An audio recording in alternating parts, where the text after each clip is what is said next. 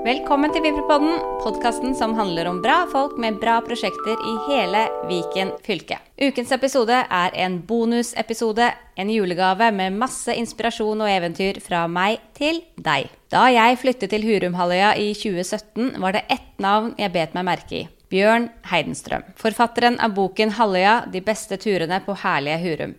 Boken ble min guide til å gjøre meg kjent på Halvøya. Siden har jeg møtt Bjørn i Setre, bl.a. på et foredrag han holdt om flotte turopplevelser på Halvøya, og i dag kjenner jeg Bjørn som en eventyrer med mange prosjekter på gang. I dagens episode skal vi høre om da han syklet fra Norge til Sør-Afrika og padlet fra Sveits til Svartehavet. Vi skal snakke om nye turbøker, kart og fantastiske naturopplevelser. Og så skal vi snakke litt om eh, Vålerenga og fotball. Men mest av alt skal vi snakke om en bra fyr med bra prosjekter i Viken. Velkommen til Vipperpodden, Bjørn Heidenstrøm. Tusen takk. Hvordan har du det? Veldig bra. Bortsett fra at det er en pandemi som er, henger over Hurum, så går ting relativt bra. Ja, det nærmer seg jul, da. Ja. Nei, det er uh, en sår og lei side, fordi mine foreldre er uh, gamle, og jeg får ikke lov å besøke dem. Uh, og det gjelder jo andre deler av familien. Den positive tingen er at jeg klarer å glede noen i jula med noen av de tingene jeg holder på med. For jeg holder på med turbøker og turkart, og det vil tydeligvis folk ha i julegave. Så det er den plussida jeg har. Så flott. Det gleder jeg meg til å høre mer om. Vi sitter på Fyr gastropub i Setre. Hva er ditt eh, forhold til setre? Og det er eh, langt, varmt og, kjærlig. Jeg kom hit med mm, spahotell i. Altså, før det var eh, bygd, så sto jeg der sammen med tre karer som hadde lyst til å bygge det. Og da ringte jeg hjem og sa at jeg er på en fantastisk halvøy. La oss flytte. Oh, ja. eh, og det gjorde vi. Og, og, siden har jeg vært her. Og og ønsker fortsatt å være her lenge. Men ja, hav og fjord og, og, og skog og, området bak, så er det helt perfekt for meg. Ja. Kan du fortelle litt uh, om hvem du er, og hvor du kommer fra og bakgrunnen din? Ja, eh, 52 år eh, oppvokst i egentlig eh, Norges lengste 1. mai-tog. Dvs. Si arbeidernes eh, vugge, Herøya, Porsgrunn, Norsk Hydro. Um, så i uh, det området der så bodde jeg til jeg var uh, eh, 17 år, og jeg hadde jo en barnedrøm om å, å selvfølgelig spille for Liverpool. Ja. Altså profesjonell fotball. Du spilte mye fotball da du var liten? Ja, og det var den drømmen jeg forfulgte da. Så det brakte meg inn til et uh, gutte- og juniorlandslag, og til at jeg halvt eller helt levde av fotballen fra jeg var 17 år. Ja. Ingen husker dessverre det, men jeg husker det. jeg vet at du ble norgesmester i junior, eller noe sånt? Ja, ja, ja, takk. Ja, det er en av de ni klubbene jeg da var innom. Det var eh, Lillestrøm. Eh, la oss håpe det er ingen Vålerenga-fans som hører på poden din. Um, nei, så, så nei, fra jeg var 17 så har jeg vært uh, omflakkende fotballspiller som har kombinert det med markedsjobber, informasjonsjobber. Uh, fordi jeg fant ut ganske tidlig at Liverpool ikke kom til å ringe. Ja. Så da um, blei det markedsarbeid ved siden av fotballen. Og så blir markedsarbeid og fotballen etter hvert bytta ut med det som er vel da mitt livs største kjærlighet, som er natur og friluftsliv. Så de siste fem, seks, sju åra har det vært uh, i fokus. Og det håper jeg det blir resten av livet. Ja.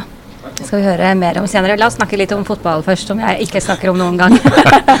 du har jo spilt for uh, flere klubber. Ja. Uh, hvilke klubber har du spilt for? Du, det, de som folk kjenner til, er vel kanskje Odderane uh, Skien. Barndomsklubben er jo Herja, i det uh, flotte arbeidersamfunnet som jeg vokste opp i. Um, og så blei det kjøpt opp av selveste legenden Tom Lund uh, Lillestrøm, hvor jeg var milevis fra A-laget. Men fikk lov til å bli um, norgesmester junior der. Utrolig godt juniormiljø. Så jeg har vært i Sogndal, så mange kjenner til Eirik Bakke. Jeg ble kjøpt av faren hans. Um, og så er det da den greia som har blitt at jeg, ikke i Norge, men i et veldig spesielt miljø, faktisk er litt kjendis. I et miljø som heter Championship Manager, som er et dataspill. Ja. Fordi Laton Orient leier meg. Det er Laton Orient er da i bånn av engelsk tredjedivisjon. Ja. Så jeg spiller da tre proffkamper i England, som jeg for øvrig har gjort veldig mye for å, for å lage en historie rundt. Men der kom jeg inn i dataspill, så den dag i dag, eh, når jeg um, googler meg på engelsk, for det hender at jeg gjør pga. at jeg driver litt med ekspedisjoner og sånn, ja. da kommer det opp at jeg fortsatt ruler i dataspillet Championship Management fra 97. Å ja. Ja, så Men, der, eh, er, der er jeg god. Men Leighton Orient det er jo et ekte fotballag Ja. i London. Ja. Og du har jo spilt der. Det har jeg. Og så ble det senere et dataspill. Pelt, det var noen som pelte meg opp der, eh, fordi det var engelskmenn som var bak spillet. Ja. Og dette her er altså 98, hvor virtual reality ikke har blitt så stort ennå. Så vi snakker om et dataspill hvor du kunne være manager. eh, Altså Championship Manager heter jo det. ja. Så det er der jeg av en eller annen grunn gjør det veldig godt. Som er hysterisk morsomt hver gang jeg googler, for da står det 'Han er gammel, han er treg, men kjøp Bjørn Heidenstrøm, for han ja. funker'. Ja. Det er veldig morsomt å diskutere både fotball og dataspill, som er de to tingene jeg kan minst om i hele verden, eh, tror jeg. ja. Men jeg vet også at eh, noe i forbindelse med fotballen, så har du eh, I 2009 så syklet du fra Nobels fredssenter i Oslo til Robben Island i Sør-Afrika. Fortell om det. Ja. Jeg sitter da som markedssjef i Vålerenga fotball og har uh, også en rolle som leder i noe som heter Vålerenga mot rasisme, som fungerer veldig godt. Uh, og så har jeg lekt med, siden jeg er en, en sånn friluftsfyr, så har jeg lekt med eh, ekspedisjoner. Jeg har utført en liten ekspedisjon som fungerte i forhold til å få fram et budskap. Og da har jeg rett og slett solgt inn ideen til flyktningsorganisasjonen i Norge at jeg vet dere sliter med å kunne nå fram. La meg være han tullingen som sykler fra Norge til VM i Sør-Afrika. Ja. Samler drakter og syr de sammen til en diger drakt som et symbol på at vi støtter arbeidet med 43 millioner på flukt. ja. Og da sa de du er klin gæren, vi har ikke noe tro på det, men prøv. Så det gjorde jeg. Og var selvfølgelig sett på som en idiot i en to-tre måneder på veien mot uh, Sør-Afrika. Men så kommer faktisk fotballstjerner og andre stjerner, sånn som eksempelvis sir Elton John, og sier at uh, han skalla gamle fyren her er jo ganske kul. Hvordan fant eh, Elton John ut om deg? Du, jeg pepra jo fotballvenner med budskapet om at hei, jeg har faktisk tro på at det her kan funke. Så da var det direktør Utne i Odd Grenland som hadde Sir Elton John på en konsert. Og som fortalte om det her, og hvor Sir er kjempefan av klubben Watford for øvrig. Og sier ja, ja, jeg signerer Watford. Så den uka der, da jeg vel kommet inn i Russland, så, så begynte jeg å gå fra idiot til litt um, kulere. Ja. Og etter hvert på turen så kommer jo Da ringer jo etter hvert faktisk Barcelona oh, ja. og sier at Messi og gutta vil gjerne at du sykler innom. Er det sant? Ja, Wow. ja. Så da fortsatt totalt ukjent um, prosjekt i Norge.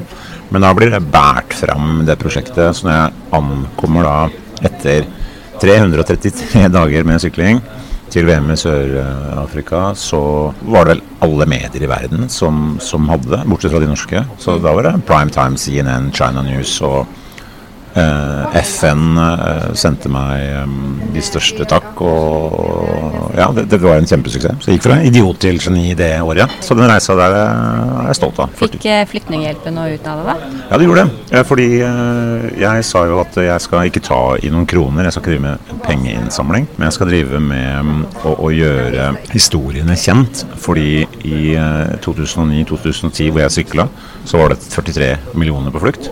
Men ingen snakka om det. Så jeg lagde jo debatt og diskusjon i til sammen 85 land. 85 land på denne planeten som hadde det som førstesidestoff. Um, så sånn sett så fungerte det, og det var det FN målte meg på. Var det i forbindelse med de ti glemte krisene, som var et sånt prosjekt rundt den tiden? Hvor det var eh, mye flyktninger som aldri nådde medienes eh, Ja. søkelys? Ja, det var en del av det. Ja. det, var en del av det. Så, så, og sånn er det jo fortsatt en dag i dag. at um, det, det, det er jo en, en superstjerne som kan få fem helsider pga. Eh, et eller annet. Men så kan det være eh, tusen mennesker som dør, som ikke får eh, det søkelyset. Så, så det er en um, evig kamp. Oppmerksomhet. Morsomt at du var innom akkurat Barcelona, da. fordi som nevnt så er jeg ikke så veldig fotballinteressert, men jeg har faktisk vært på én internasjonal eh, fotballkamp, og det var i Barcelona. Sånn Da så jeg Messi spille i Oi. 2013. Det var riktignok tidlig i sesongen, da, så det Ja. var ikke sånn kjempe... I, I Barcelona. Kamp nå, nå kamp. Eh, Kamp nå, ja. Ja, ja bra. Så det var kult. Ja. Eh, Etter eh, 2009, så etter å ha syklet eh, fra Norge til Sør-Afrika, så har du også syklet eh, Norge på langs. Ja, Var det samme saken? Du, eh, det er rart hva som skjer når du får mestring. Det er jo noe barn oppdager, at mestring er gøy, la meg fortsette. Og jeg er jo da også en sånt lite barn som, som når det funka, så sa jeg hjemme til to barn og kone, eller jeg spurte kan jeg få lov å gjøre litt igjen. Kona Marianne sa ja, men ikke så langt. Så da var det en ny sak eh, i, i Norge som var viktig eh, for Norge og for meg. Det var det å rydde miner. TV-aksjonen var det. Så var det Norge på langs. Og da hadde jeg jo dette store symbolet lagd. Så da ble det Norge på langs, eller Norge på ekstra langs, som vi kalte det. For det var fra Nordkapp til eh, via Setre til eh, Mysen. Og så var det en tredje og siste var at jeg padla stående fra Sveits til Svartehavet, da, som var en 96 dagers tur. Det var Røde Kors. Ja. Så det er en, det er en blanding av stor egoisme etter eh, eventyr og forsøket på å være snill gutt. ja. Du sier at du padlet eh, stående fra Sveits til Svartehavet. Eh, mener du et sånn superbrett? Ja. Det var eh, Da prøvde jeg å være ung og kul, og, og det gjorde jeg da med stående padling, som er vel det smarteste og beste jeg har gjort, for det var aldeles nydelig. Ja. Jeg er aldri sliten, så alle må gjøre det. Det er 3370 km. Ja. Hvor eh, mange pauser hadde du? Du, det mm, var Det er derfor det var så lurt, for det er kanskje ingen som tror det, men et, det tar tre kvarter å lære seg. Og kroppen digger det å stå og sånn og vugge, så jeg padla jo ti timer hver dag uten at kroppen sa au. Mens når jeg sykla, så var det jo veldig hardt og veldig belastende. Eh, så, så ja, stående padling må alle prøve. Rundt. Ti timer hver dag, ja. Det Ja, er ganske krevende. Hvor mange dager da? Det var 96 dager, ja. Oi, oi, oi. ja. Så det var, um, det var langt. Men det var nok eh, natur altså Hvis vi skal snakke om natur eh, og, og um, ekspedisjonsopplevelse, så er det den kuleste fordi du er gjennom så mange områder hvor du ikke ser mennesker. Ja. Hvor du tror du er i jungelen mange steder. I, i Romania eh, på vei mot når du nærmer deg Svartehavet. Da. Så veldig eksotisk. Jeg har ikke det kartet foran meg, men eh, padlet du langs land, eller var du rett over som uh, Ja, bra, hav? veldig bra spørsmål, fordi det er mange som sier her, Sveits, her, Svartehavet. Jeg padler, jeg padler ned Fra Sveits padler jeg ned eh, elva Rhinen, som går mot Nordsjøen. Wow. Og da når du kommer til byen Mainz, så der, der eh, padler jeg oppover eh, elva Mainz. Ja. Forbi Frankfurt am Main, som den heter, og opp til Bamberg, og så ned til Nei, er slusa opp, ned til Donau.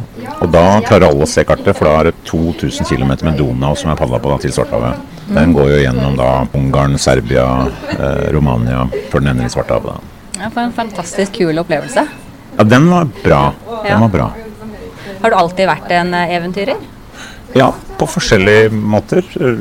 En barnslig, en barnslig drømmer som, som tror jeg kan ting som jeg mange ganger egentlig ikke kan, men eh, det bringer meg til en eller annen plass. da. Jeg tror det er viktig. Og hvis man skal kunne alt, så får man jo ikke gjort noen ting. Hvis alt skal være 100 eh, sikkert hele tiden. Ja. Nei, jeg, nei, jeg tør å, å bevege meg, så nå Uh, Rett før uh, den slemme, uh, stygge koronaen kom, så fikk jeg lov, lov av madammen å tenke nye ekspedisjoner. Så nå, så se, nå jobber jeg veldig mye med, med marin forsøpling, så nå ser jeg på noe til havs. da, Noe roende. Ja. Ja. Oslofjorden, eller? Nei, litt lenger enn det. Jeg ser på en tur um, Den ene turen starter her og ender i, i London. Ja. Um, fordi um, eh, Hurum har jo eple.no, og eple.no på Grønnsand er også da eier av Europas kuleste robot. ja. Uh, så Tor Erling der oppe han har eh, latt meg prøve noen roboter. Så der har det grodd fram en, en drøm. da, Så får vi se om jeg blir sterk nok i ryggpartiet til å gjøre det der. Ja, så kan jeg bare nevne at det er Tor Erling Gransæter som driver Eplegården på Hurum. Han er også padler, og det er en sånn lang kajakk. En lang og tynn en. Hva er det det heter? Det vet jeg ikke. Nei, jeg tror det var den du skulle låne. Nei, nei, det er disse robåtene hans jeg har ah, ja. Ja, han har forskjellige dobbel eh, Heter det dobbeltskulder? Jeg er ikke noen roer som dere, men jeg har prøvd den enkle det Heter sikkert enkeltskulder, den singelskulder heter det kanskje. Ja. Den har jeg prøvd, og det går rasende fort.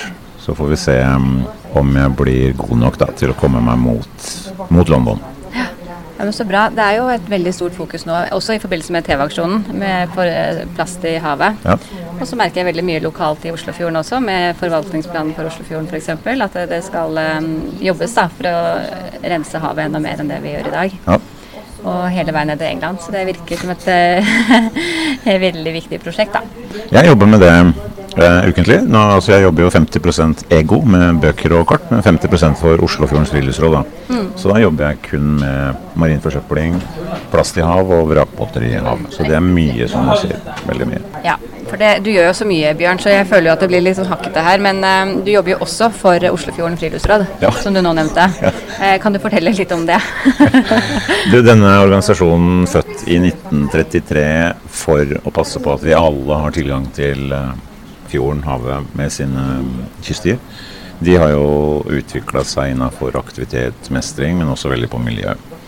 Så der er jeg med på å organisere og lage ryddeaksjoner. Og så er jeg med på noe som mange tror er et bitte lite problem. Eh, vrakbåter, eierløse vrakbåter som blir til mikroplast, for de forvitrer. Som et eksempel her så har Oslofjorden nå henta og fjerna 260 tonn med vrakbåter bare i Indre Oslofjord siste fire måneder. Er det sant? Ja, så det er mye. Fra eh, havbunnen? Nei, det er sånn som flyter langsetter. Så hvis jeg hadde tatt med deg mm, og leid deg bortover kysten her nå, så vil jeg kunne peke på en fem-seks nye vrakbåter som har kommet til. Fordi det er litt dyrt å fjerne det. Kanskje eier flytter, kanskje eier dør. Så blir det liggende og forvitre. Ja, det er mye av det. Hvordan vet dere at det er vrakbåter? da? Merker dere de, og så sjekker Ja. at ingen har vært der? Ja da, det er en viss uh, juss og noen regler over det, så vi merker det og spør. Og så har vi ofte en velforening og en naboforening som sier at jo, det er Harald som eide den. Harald har flytta. Ja. Eller, eller, eller Harald er død. Ja. Så nå må vi eh, nå, Den kan dere ta, ja. Jeg må bare, før vi går over på friluftslivet her, eh, ett fotballspørsmål til. da. Eh. For jeg bare hang meg opp i at du har spilt for eh, Lillestrøm, Ja. eh, og så har du vært eh, markedssjef for Vålerenga. Ja. Hvordan går det an? Du, jeg klarer jo ikke å få venner med denne historien der, Nei. fordi når jeg møter gamle kompiser i Lillestrøm, hvor jeg faktisk har spilt, så er det sånn Du, stemmer det, Bjørn, at du jobba åtte år i Vålerenga? Og har ikke jeg sett noen bilder hvor du er en Vålerenga-supporter? Så sier jeg jo, det stemmer. Jeg var tolv år, så blei jeg Jeg var en Liverpool-fan, så blei jeg også en Li- Så det stemmer. Men så er det samme i klanen, da. Så når jeg var åtte år i klanen, og jeg var på, så, så fikk jeg mange venner der. Men så sier du, du er det sant at du har spilt for Lillestrøm og skårte den straffa i Ja, dessverre. Ja. Så jeg er venneløs. Bjørn Venneløs. eh, Ja, nemlig. Man kan ikke være venner med alle, vet du. Eh, og er det ikke en sånn sang da i klanen imot Lillestrøm? Hvordan går den? Et eller annet med bønder, eller? Ja, nei, det er, det, er, det er mye. Tramp, tramp, tramp på en fugl tror jeg er den mest legendariske. Fordi Lillestrøm er jo da fugla, kanarifuglen. Ja. Så den er eh, Ja. Det er, ikke noe, det er ikke noe stor kjærlighet mellom de to. Nei. Men eh, hvordan går du fra markedssjef i Vålerenga til eh, Oslofjorden eh, friluftsråd? Da går man egentlig fra det ene som jeg alltid har vært veldig glad i, som er idrett og fotball, til det som jeg er mest glad i. Jeg fant aldri ut av det når jeg var guttung om hvordan jeg kunne ha et levebrød med og for naturen. Men det vokste seg til etter de ekspedisjonene. For da så jeg jo det, mm, dette med å, å, disse organisasjonene som lærer folk mestring. At du kan lære folk å padle, du kan lære folk å gå på fjellet. Du kan lære de bred klatring. Eller så har du miljøaspektet som jeg ble en del av. Så hvordan kan jeg jobbe for naturen med å fjerne marinforsøpling. Sånn var den overgangen fra fotball til natur, at jeg rett og slett uh, fant noen muligheter. da. Eh, og det er 50 og så er den andre er jo det at jeg lager turbøker. Nå, nå ser jeg at du har lagt fram den første boka som heter 'Halvøya Hurum'. Ja, jeg vet jo at du har skrevet uh, et par bøker etter uh, Halvøya, 'De beste turene på herlige Hurum', men jeg nevner også i introduksjonen min at denne boken her kjøpte jeg da jeg flyttet til Halvøya oh, i var det eh, ikke- 2017. Å. eh, og var mitt første møte egentlig med Halvøya. Du var mitt første navn Ah. i Halvøya. Bra. Eh, Bjørn Heidenstrøm han kunne alt om Halvøya, så jeg var jo til og med på det der foredraget ditt på kommunehuset Nei, i er det. 2017. Husker du det? Ja, Ja. jeg husker det fordi det er mitt comeback til Norge. Fordi da hadde jeg ligget i en sofa i ni måneder. ja. Faktisk, med kyssesyken. Og veldig spent om jeg fortsatt klarte å være talefør nok. Ja. Så det foredraget du så der, da gikk jeg to timer rundt i Setres gater og vurderte å ringe inn syk og si at sorry, jeg har fått influensa. Oh, ja. Ja, for da var jeg litt nervøs. Men det var, ja, det var comebacket mitt. Så da Ja, Det var bra du ikke meldte deg syk, for det var et eh, kjempebra foredrag. Og etter det så har jeg jo prøvd ut alle turene dine i Ja. eh, boka. Ja. Eh, men dette var din første bok, åpenbart en stor suksess, i og med at du har skrevet flere bøker etter det. Eh, kan du fortelle om disse bøkene dine? Du, det starter jo med at jeg ligger på den sofaen med den kystsyken. Og, og da tenkte jeg at Og jeg har jo egentlig sagt i seks-sju år at jeg skal skrive en bok. For jeg, bildene hadde jeg. Så da begynte jeg å, å, å, å lage den, og så tenkte jeg at kanskje 200 stykker kjøper den. Og så var det jo 1000.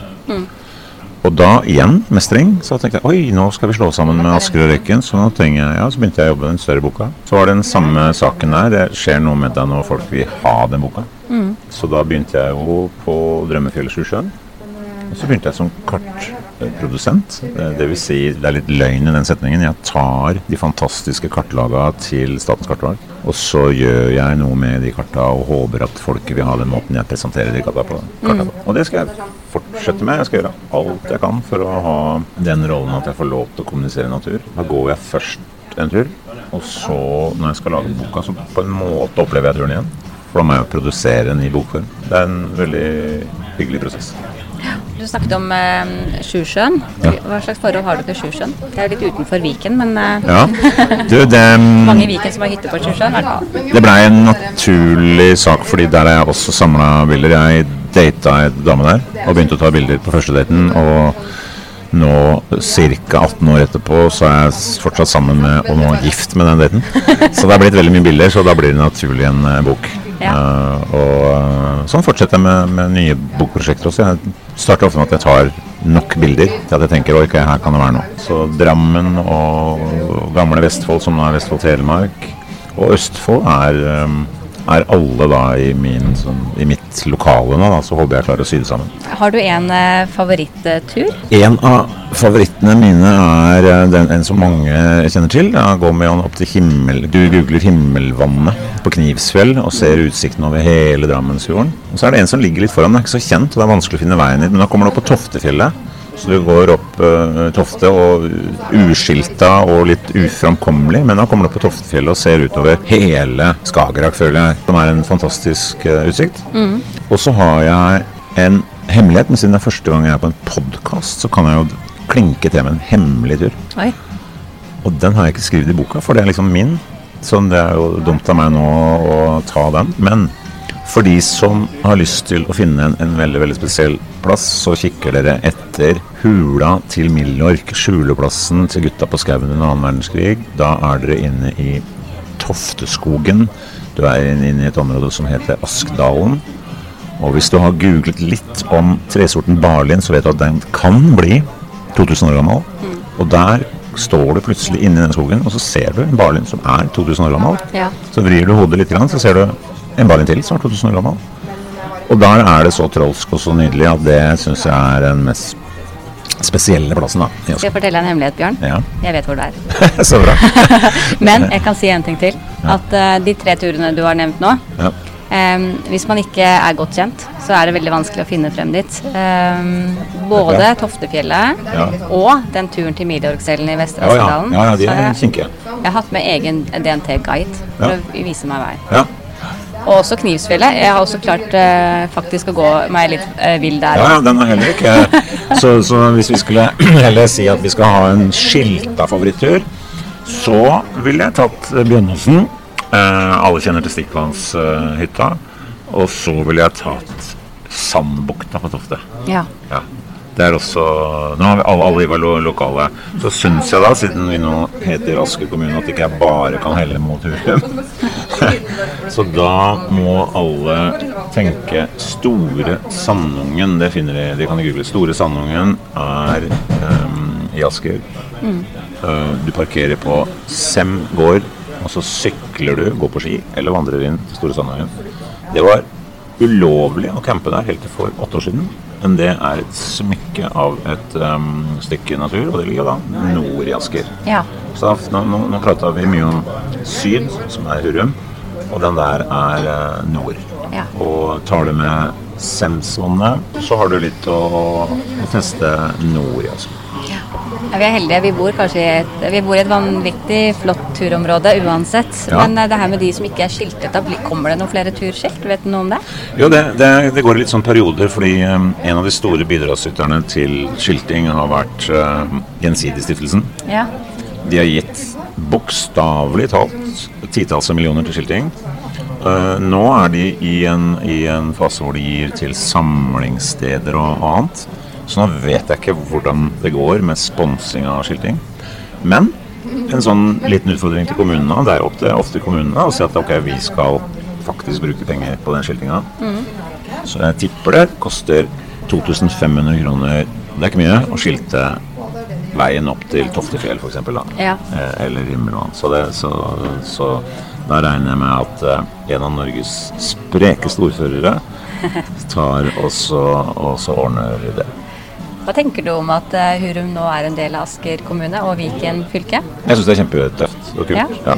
Jeg, jeg er ikke, ikke noe redd for det, så jeg ser bare masse muligheter at vi er um, større, sterkere og kulere. Eh, så det er den joviale, fine, jordnære uh, Hurum som, som treffer den noe mer urbane, kulturelle Kanskje av og til faktisk sånn kul, jålete Asker. Ja. Ja, det er litt jålete. Litt bondsk og litt jålete på en Ja. gang. Det er en sånn fin eh, kombinasjon. Ja. For øvrig, siden jeg nevnte ordføreren, altså Lene Konradi har vært en veldig god ordfører til å støtte både bokarbeid og annet arbeid i OF, så det er derfor jeg eh, tok en såkalt shout-out til eh, Konradi. Ja, men det er bra.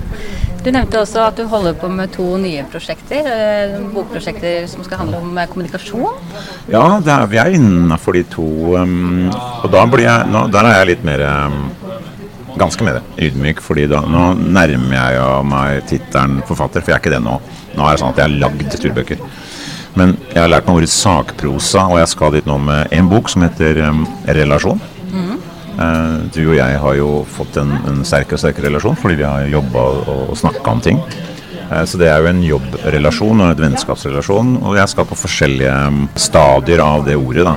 Jeg skal ikke så mye i den eh, som heter familiebånd og kjærlighetsrelasjon, men jeg skal på jobbrelasjon, organisasjon. Og øh, har de første intervjublikkene som også da har vært i, i kamp, og noen har til og med vært i, i strid. Så ja, det er relasjon på alle mulige måter. Den ene og den andre boka er, øh, har tittelen 'Profesjonell'.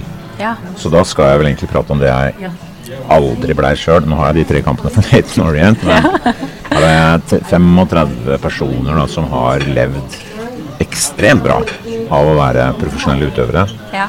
Så jeg skal være åtteåringen som setter meg litt på kneet og spør hvordan kan vi andre bli profesjonelle. ja. Hvem er det du har på listene? Du, de 35, så er det vel 90% som jeg har tilgang til, for de sier hei takk for sist. Og det er sånn som Ronny Johnsen, som vant Champions League med Manchester United. Eh, Det er en Vegard Heggem som gjorde stort i Liverpool. Det er Riise Liverpool. Alle de her har jeg truffet, og de vil i hvert fall si takk for sist. Eh, Helt opp til de som jeg håper husker en gang Tysklands beste spiller, Rune Bratseth. Ja. Um, og så er det et par der som jeg ikke er venn med, men jeg har en kompis som er venn med. Ja, det hjelper. Og da har vi en som har blitt ganske kjent nå. Han heter Ole Gunnar Solskjær. Så jeg har en god kompis som heter Kjetil Siem, som er hans kompis igjen. Så håper jeg at jeg kan bringe meg inn en gang til å spørre Ole Gunnar, da. Hvordan kan andre bli profesjonelle. Så ja. Han er vel ferdig i Manchester United snart, er han ikke det? Hver gang han taper, så hevder et par millioner mennesker at han burde gå. Hver gang han vinner, så hevder et par eh, millioner mennesker at vi elsker Ole Gunnar. Så Jeg leser bare overskriftene når det kommer Ja, til fotball. Så det... det svinger litt. Det svinger litt. Men det var bare menn da, Bjørn? Har du ikke Jo, damer på listen? Jo, nei, jo, det har jeg virkelig. Og det er det jeg gleder meg mest til. Men jeg begynner der hvor jeg kjenner folk. Så jeg begynner i fotballverden, men jeg skal bevege meg ut til andre idretter. Og da skal jeg eh, til en, håp- håper jeg, til en, eh, en Bjørgen og til en Johaug. Eh, til både eh, fotball og friidrett og golf. Da er jeg på Susann Pettersen.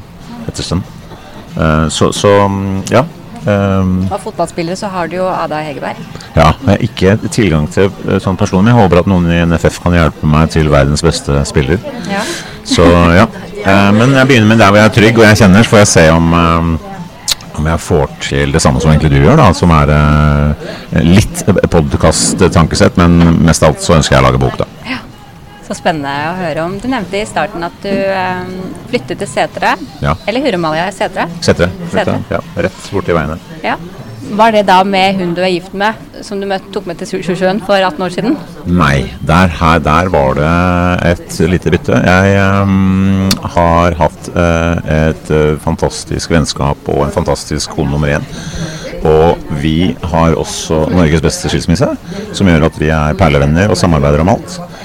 Men etter en uh, liten uh, singeltid her på Hurum, så uh, traff jeg da uh, politidame. Så nå er det kone nummer to som jeg eh, data på Sjusjøen. Ja. Så, der, uh, så der har du plassert det. Men vi er, alle de nevnte er i en stor, egentlig flott familie, så, um, så vi har felles feiringer og felles treff. Ja. En moderne familie. Moderne. Stor familie. Det er den moderne familien som begynner å bli den eh, gjennomsnittsfamilien også. Ja, ja, ja, ja. På alle mulige måter. Har du en eh, favoritt-leveregel? Ja, det, det har jeg. Men uh, har aldri blitt gjennom. tenkte jeg sånn, tør jeg å si det, da? Um, jeg kan. Den er veldig kort, den sloganen der. Men jeg kan. Det er noe jeg prøver å, um, å, å leve etter. Fordi som regel så sier jo hjernen 'jeg kan ikke, jeg tør ikke, jeg vil ikke'. Hvorfor skal jeg det egentlig? Så det er det jeg gjør, og det er det jeg utfordrer meg med. da. Um, for som regel så, så sier jo noen andre, eller ens egen hjerne, at nei, det kan jeg ikke. Så et eksempel er de bøkene, fordi jeg har vel hatt det sammen 100% av mine norsklærere har jo sagt at Bjørn, du kan ikke skrive. Så når du har hørt det noen ganger, så, så er det ganske fjernt å begynne å tenke å skrive en bok. Har læreren deg sagt det til deg? Du kan ikke skrive? Ja, det er jo den meldingen du egentlig får når du får stilen tilbake, og så er det mer rødt Ja. enn blått på den Ja. stilen. Eh, eller nei, du kan, nei, du må ikke. Nei. Så skolevesenet kan høre egentlig litt Nå kommer en fotballreferanse, da. Tom Nordli har jeg hatt som fotballtrener, og han sa at eh, hvis du driver med coaching av fotballspillere med bruk av video, så er det noen som viser alle de videoene hvor du gjør noe feil. Da får du en fotballspiller uten sjøltillit som til slutt slutter å spille fotball. Ja. Og Det samme er det i forhold til skolevesen. Hvis du i, eh, i det faget som heter norsk, ekstremt viktig. Men hvis du bruker kun tida der på å, å vise feil, så får du noen som til slutt ikke liker norsk. Og der var der jeg måtte bruke livsmottoet mitt. Jeg kan. Og si at ja, jeg og det var egentlig den moderne verden. Altså når Facebook kom 2004, hvor jeg for første gang ser at det er noen som, som trykker hjerte på det jeg skriver. Så enkelt var det. For det, var jo, det er jo ikke sånn at jeg gjør noe feil. Det var sånn Jeg liker det du skriver, Bjørn. ja. Og så kom det noen mailer hvor jeg, så noen skrev ha-ha. Eh, Så, så det var egentlig veksten på at ja, men da er det noen som liker det jeg skriver likevel, da. Så, og den, den bruker jeg også da, fordi jeg var jo ikke noen syklist jeg når jeg kom på ideen at jeg skulle sykle til Sør-Afrika. Jeg er jo en eldgammel fotballspiller. Men så sa jeg gjerne at ja, men det kan du sikkert hvis du bare prøver. ja. Så jeg prøver det oftest mulig. Eh, selvfølgelig så er det noen som sier at jeg sannsynligvis ikke kan skrive en sakprosabok. Så igjen så sier jeg nei, jo, da, da, kanskje jeg kan det. Jeg, jeg vil prøve det.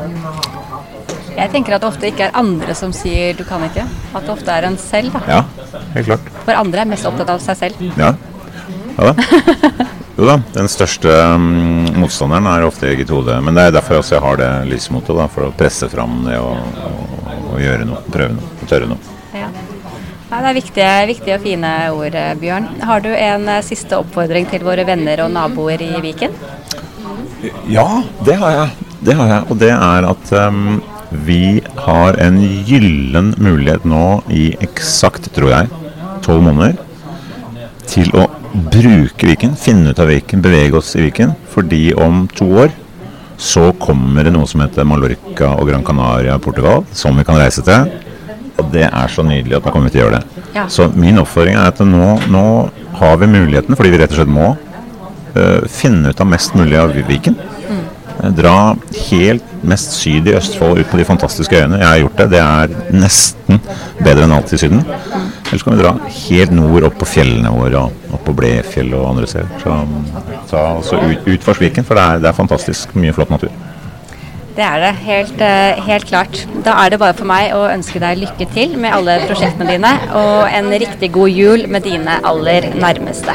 Takk i like måte. Takk for praten, Bjørn Heidenstrøm.